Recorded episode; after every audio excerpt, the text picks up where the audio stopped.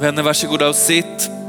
Varmt välkomna till Citykyrkan än en gång. Välkommen till dig som är på besök och som inte brukar fira gudstjänst eh, med oss. Välkommen till dig som letar efter en plats att kalla hem.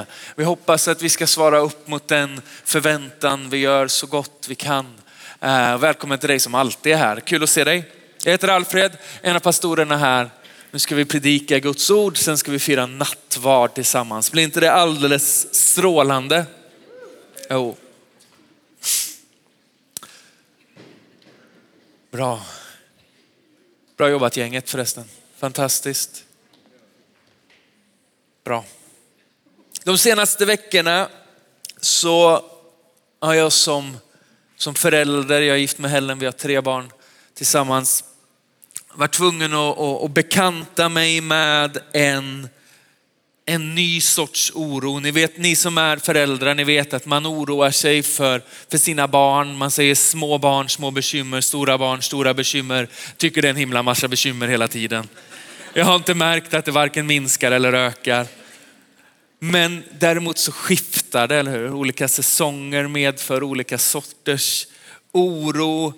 Och de senaste veckorna så har en oro som jag aldrig trodde skulle passera min, min tanke och mitt känsloliv. Vet, smygit sig på, inte fångat mig, inte gripit mig, inte brottat ner mig. Men när man känner att något smyger i skuggorna, ni vet vad jag menar? Släpper jag på handbromsen nu så blir jag väldigt stressad, men jag håller det stången. Jag har en son som snart är 12 och så tänker jag den här lite läskiga tanken. Tänk om, om han blir indragen som springpojke i något gäng. Inte som att jag ser några tendenser. Ni behöver liksom inte öka bönen för familjen Nygren. Även om det är bra om ni ökar bönen för familjen Nygren. Inte som att jag är orolig för hans umgänge, även om det finns en del av grabbarna som behöver Jesus. Men alla behöver det, men ni fattar. Men, men, men mörkret är så nära. Våldet är så närvarande. Barn skjuts, barn skjuter, tonåringar skjuts, tonåringar skjuter, oskyldiga dör. Och det besinningslösa våldet har blivit så utbrett, så mörkt och så djävulskt. Om vi liksom ska skippa du vet de fromma beskrivningarna. Och samtidigt som jag satt och förberedde mig igår kväll så på något väldigt dystopiskt och symboliskt sätt så hörde jag polishelikoptern snurra över Sköndal där vi bor.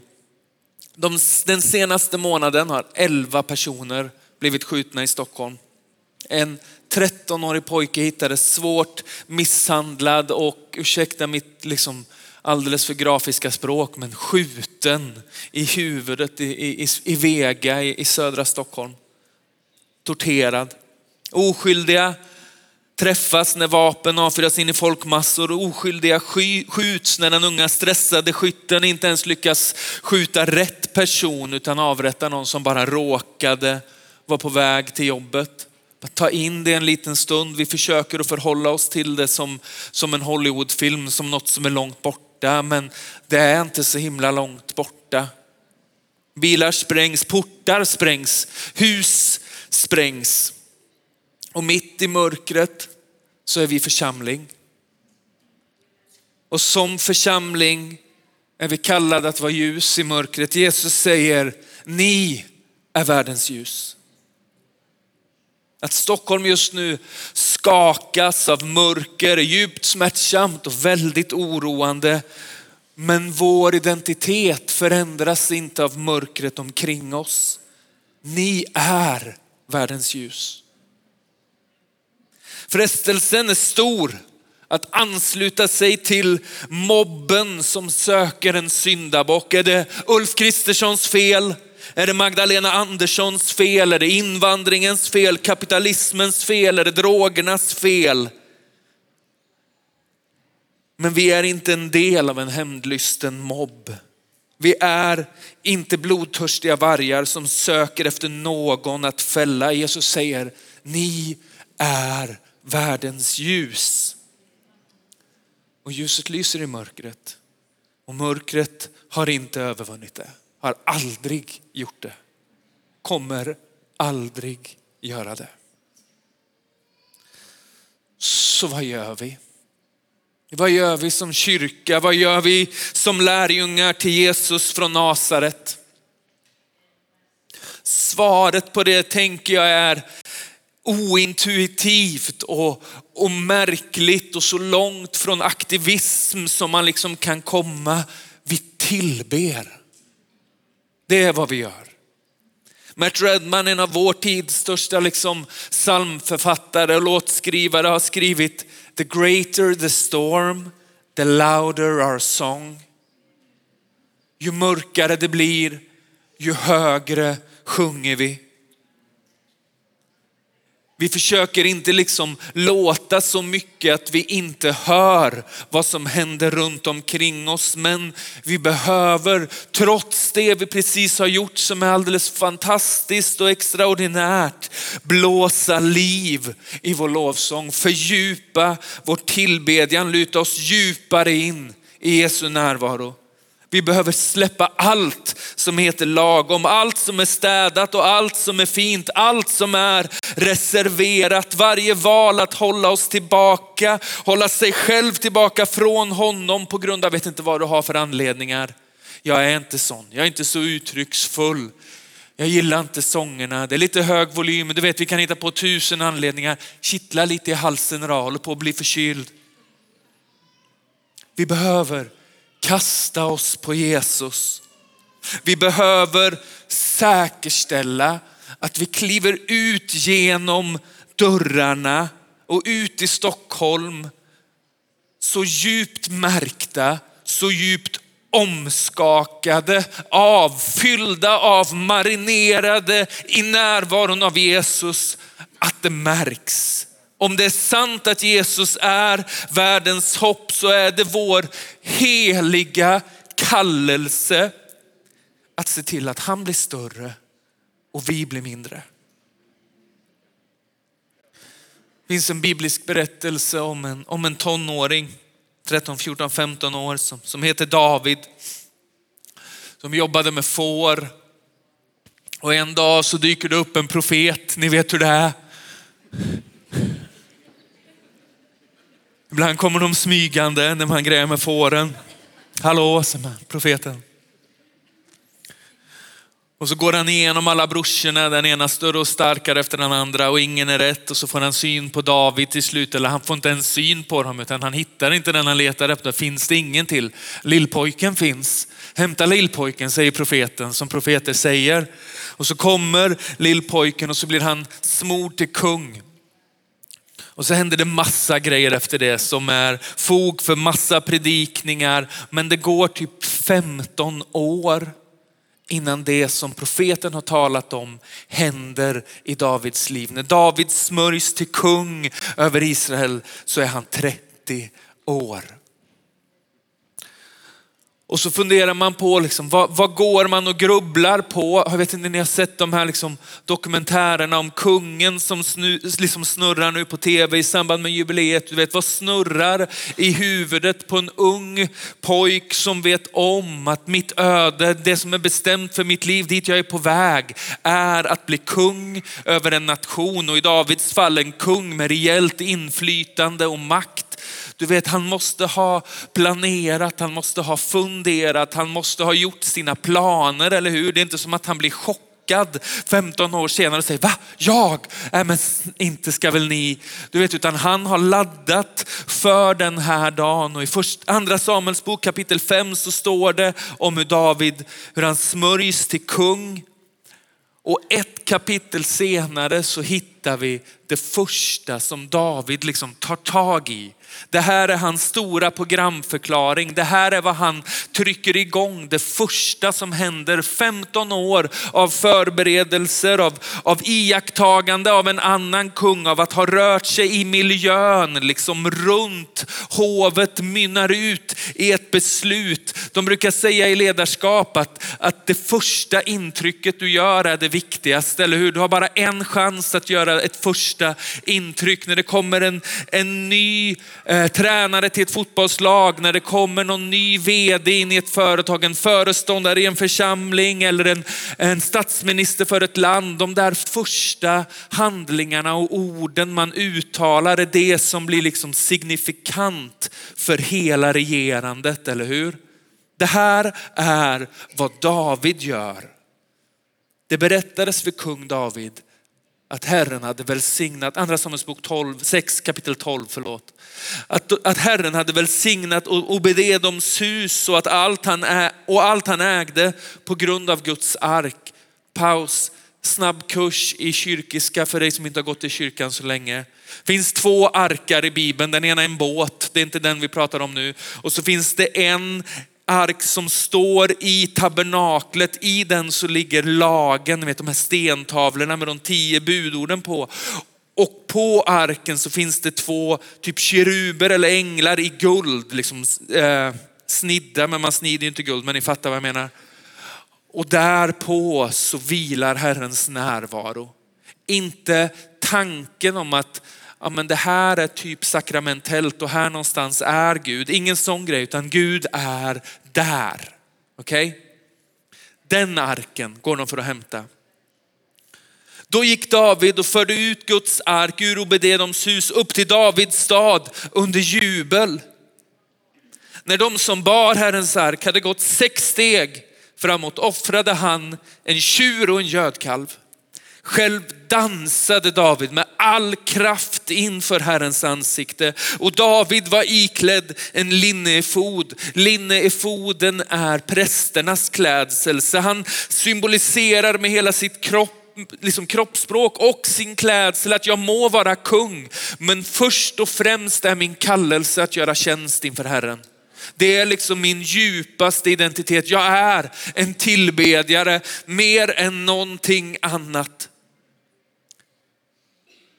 så hämtade David och hela Israels och hela Israel Herrens ark under jubel och basuners ljud. När Herrens ark kom in i Davids stad såg Mikael, Sauls dotter, ut genom fönstret och när hon såg kung David hoppa och dansa inför Herrens ansikte föraktade hon honom i sitt hjärta.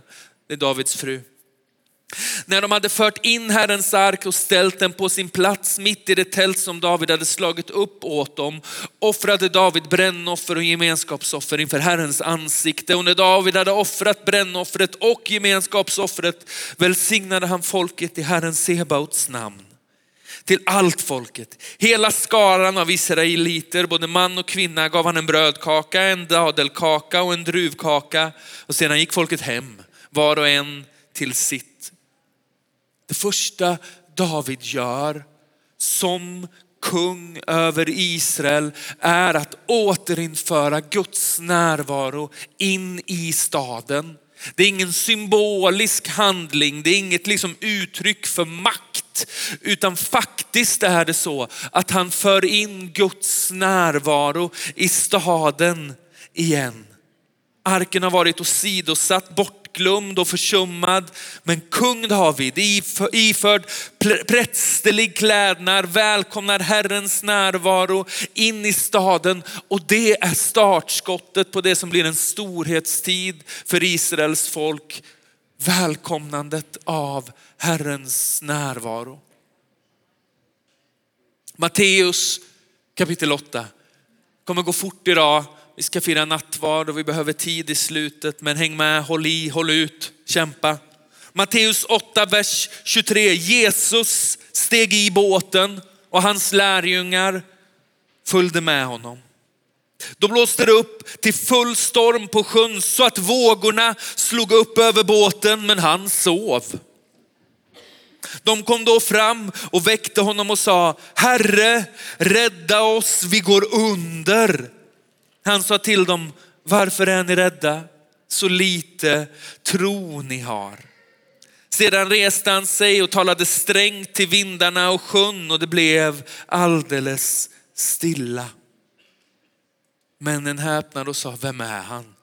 Till och med vindarna och sjön lyder ju honom. Stormen runt Jesus Stör inte friden i Jesus. Friden i Jesus stillar stormen runt Jesus när Jesus talar.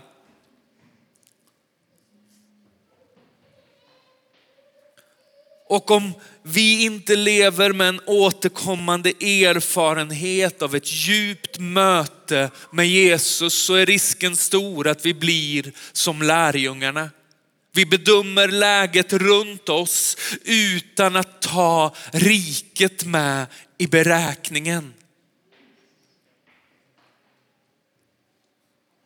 Jesus sover mitt i stormen för riket inom honom bär på en djupare frid än kaoset runt omkring honom.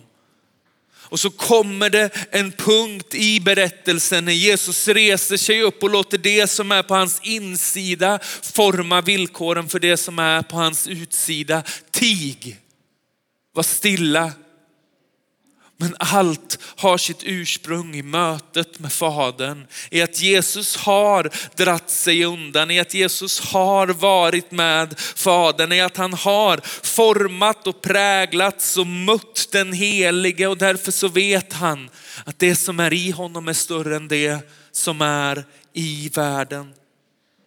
Det finns en annan berättelse i apostlagärningarna om hur Paulus och Silas är ute och, och går och de har liksom knatat runt i staden under ett par dagars tid och hela tiden så verkar det som att det är en ung flicka som har följt efter dem och sagt de där killarna predikar om den levande Gudens son. De där killarna predikar om den levande Gudens son och efter ett par dagar du vet, ibland tycker man att Paulus verkar lite lynnig i breven, men det tar ändå ett par dagar innan han tappar det vänder sig mot flickan och befaller demonen i henne att lämna. Demonen far ut, det är en spådomsande. Kvinnan blir till synes värdelös för sina ägare som inte kan använda henne för att, för att profetera på hennes profeterande. Snyggt va? Och så blir de fängslade och så blir de fullständigt sönderslagna. Det står att de blir piskade med många piskrapp och när ryggarna börjar likna köttfärs så slängs de in i ett fängelse, cellen längst in och så blir deras ben fastlåsta i en stock inte den bekvämaste ställningen att vara i när att lägga sig på ryggen inte riktigt är ett alternativ på grund av vad de har varit med om. Utan i någon sorts liksom 90 graders tillvaro så sitter de inne i mörkret och vad hittar grabbarna på? Ni känner igen det här, Apostlagärningarna 16 från vers 25. Vid midnatt var Paulus och Silas i bön och lovsång till Gud medan fångarna lyssnade på dem. Plötsligt kom ett kraftigt jordskalv så att fängelset skakades i sina grundvalar. I samma ögonblick öppnades alla dörrarna och allas bojor lossnade och föll av.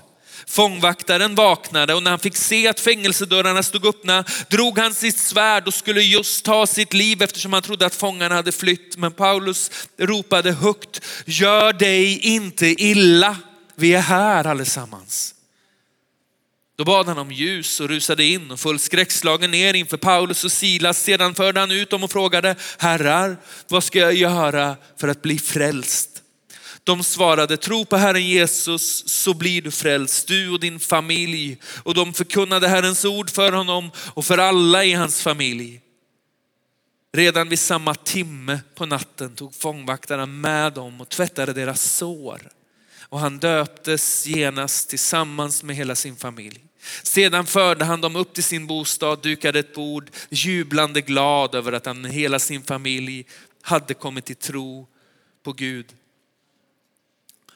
Paulus och Silas befinner sig i samma fängelse som sina medfångar, men med hjärtat förankrat i en annan verklighet sönderslagna ryggar och fastklämda ben så är deras motgift mot mörkret runt omkring dem att tillbe världens ljus. Vi lever i exakt samma Stockholm Stockholm som grannen som bor bredvid oss läser exakt samma nyheter som de som inte känner Jesus ser på samma sändningar på tv om samma skit, mörker och djävulskap men med skillnaden att vi tillhör ett annat rike. Att någon annan bor i oss och utifrån den liksom hållningen och vissheten så börjar Paulus och Silas att sjunga.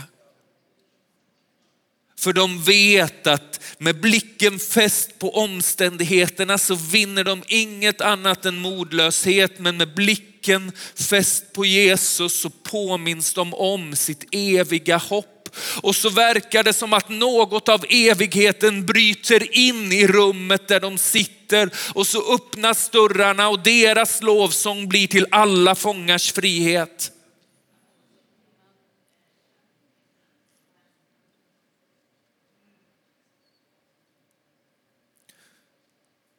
Jag har ett citat som jag återkommer till någon gång om året, men det finns, eller fanns en teolog som heter Hans Johansson som är hos Herren nu som sa att tillbedjan är inte verklighetsflykt. Tillbedjan är verklighetsterapi.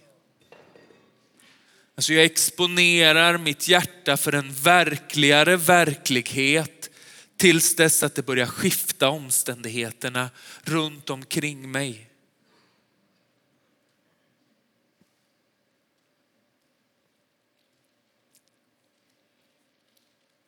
Tänker att det Stockholm behöver just nu är troende som lever utifrån ett nytt möte med Jesus. Inte kristna som vänder världen ryggen och ber att Jesus kommer och hämtar dem och räddar dem från allt elände. Men kristna som tillsammans lutar sig in i Jesu närvaro med hela sitt hjärta, hela sin kraft, hela sin själ och hela sitt förstånd och som sedan bär kraften, hoppet, livet, ljuset, nåden, glädjen, friden från det mötet rakt ut i mörkret och sliter av skeppan över sina liv så att ljuset får lysa fritt. Jesu ord till oss är, ni är världens ljus. Ni är världens ljus. Och ljuset lyser i mörkret. Mörkret har inte övervunnit det. Har aldrig gjort det, kommer aldrig göra det. Hebreerbrevet 12 säger så här när vi nu får ett rike som inte kan skakas, låt oss då vara tacksamma. På så sätt ska vi tjäna och behaga Gud med vördan och fruktan, för vår Gud är en förtärande eld.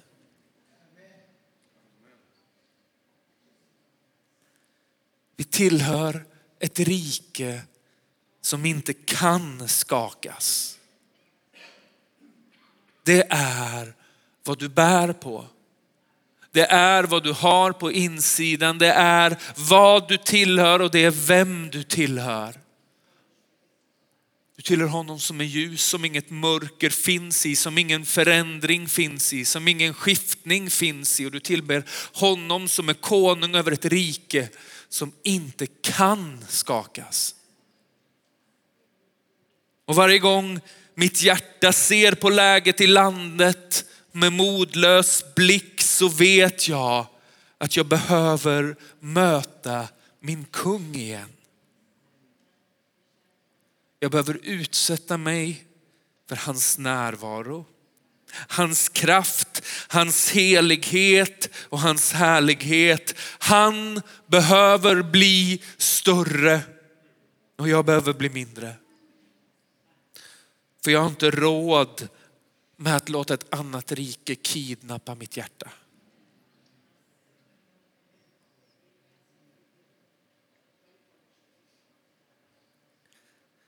Citykyrkan har alltid handlat om Jesus. Har alltid handlat om Jesus och hans närvaro. Det är vår övertygelse att allt annat utgår från ett pågående möte med Jesus. Och när mörkret tycks sänka sig runt omkring oss, när ondskan jobbar övertid, när hatet, splittringen, rädslan och döden blir påtaglig runt omkring oss, så behöver vår respons vara att tillbe med ännu större iver mer av Jesus. Mer av anden, mer av Guds närvaro.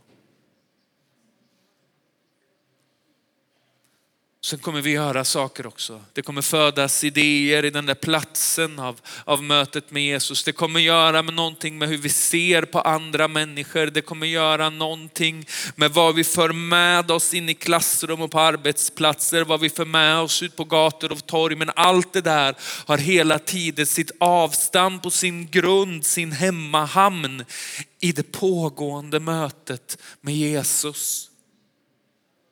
För din frälsnings skull så räcker det med ett möte med Jesus. Jag har mött honom, jag har bekänt honom som min Herre och frälsare. Så kan jag vackert om jag vill sätta mig på min plats och vänta på att han hämtar mig hem. Du kommer bli lite trött i baken för du kanske får sitta ett tag. Eller så tackar vi ja till inbjudan att leva i ett ständigt pågående möte med honom som har den inneboende förmågan att förändra det som är runt omkring oss. Jesus sover i båten för friden i honom är större än kaoset runt omkring honom. Men när hans tid är så reser han sig upp och så talar han och när han talar så verkar det inte vara en kamp mellan ljus och mörker utan stormen böjer knä för namnet Jesus.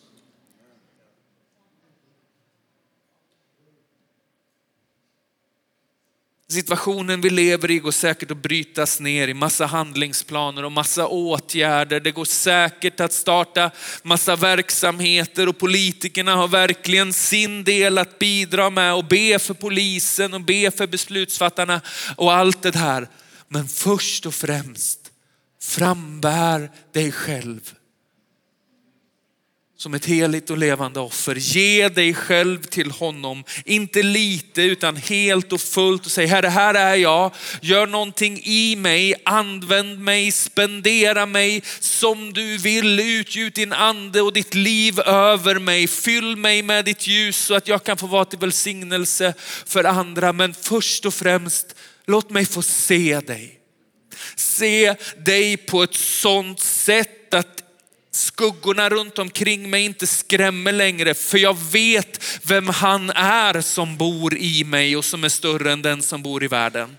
För vi kan säga det där, men om vi inte fattar vem han är så hjälper det inte så mycket att syssla med positiv bekännelse. Men om vi på djupet får möta honom och hans helighet och hans härlighet och bli omskakade av honom och komma till den där platsen där vi både känner wow och hjälp samtidigt. Så får allting sina rätta proportioner för han som bor i oss större än den som bor i världen.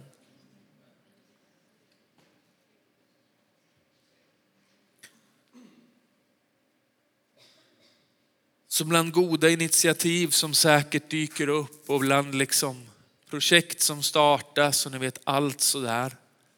Så skulle jag framför allt i den här säsongen vilja vädja till oss att ta ett kliv fram i våran tillbedjan. Att inte låta oron som vi lever bland få oss att ta ett steg bort från honom som är lösningen på våran oro, utan att ta ett kliv in i hans närvaro. Och tro honom att han förmår att göra långt mer än vad vi kan tänka eller ana. Men allt börjar alltid med ett möte med Jesus. Allting handlar om Jesus. Allt pekar mot honom, allt är på väg mot honom och en dag ska varje knä böjas och varje tunga bekänna Jesus som Herre. Men här och nu så tänker vi vara ett folk som säger, jag väntar inte tills någon annan böjer mina knän, utan av fri vilja så väljer jag att böja mig själv inför honom. Säga Jesus, du är Herre. Du är världens ljus, du är världens hopp, du är människors hopp. Rör vid mig, fyll mig, måla en större bild av dig själv i mitt hjärta och sen sänd mig. Sänd mig till min arbetsplats, sänd mig till min skola, sänd mig till till gatorna där jag går och till lägenhetshuset eller villan där jag bor. Sänd mig, använd mig, men inte i min kraft utan i din kraft. Inte för att jag känner att jag måste, utan för att jag igen har mött honom som är uppståndelse och liv.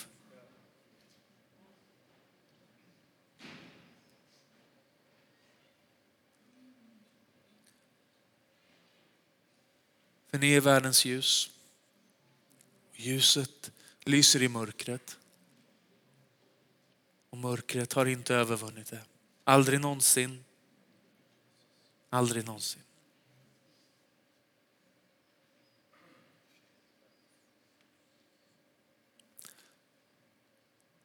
Vi ska alldeles strax fira nattvard tillsammans. Ni som är nattvardstjänare, ni kan få gå och förbereda er. Vi ska be en bön, sen ska Charlie få dela lite kunskapsord. Och sen ska vi gå in i vårt nattvardsfirande. Men eh, känns det okej okay om vi står upp när vi ber?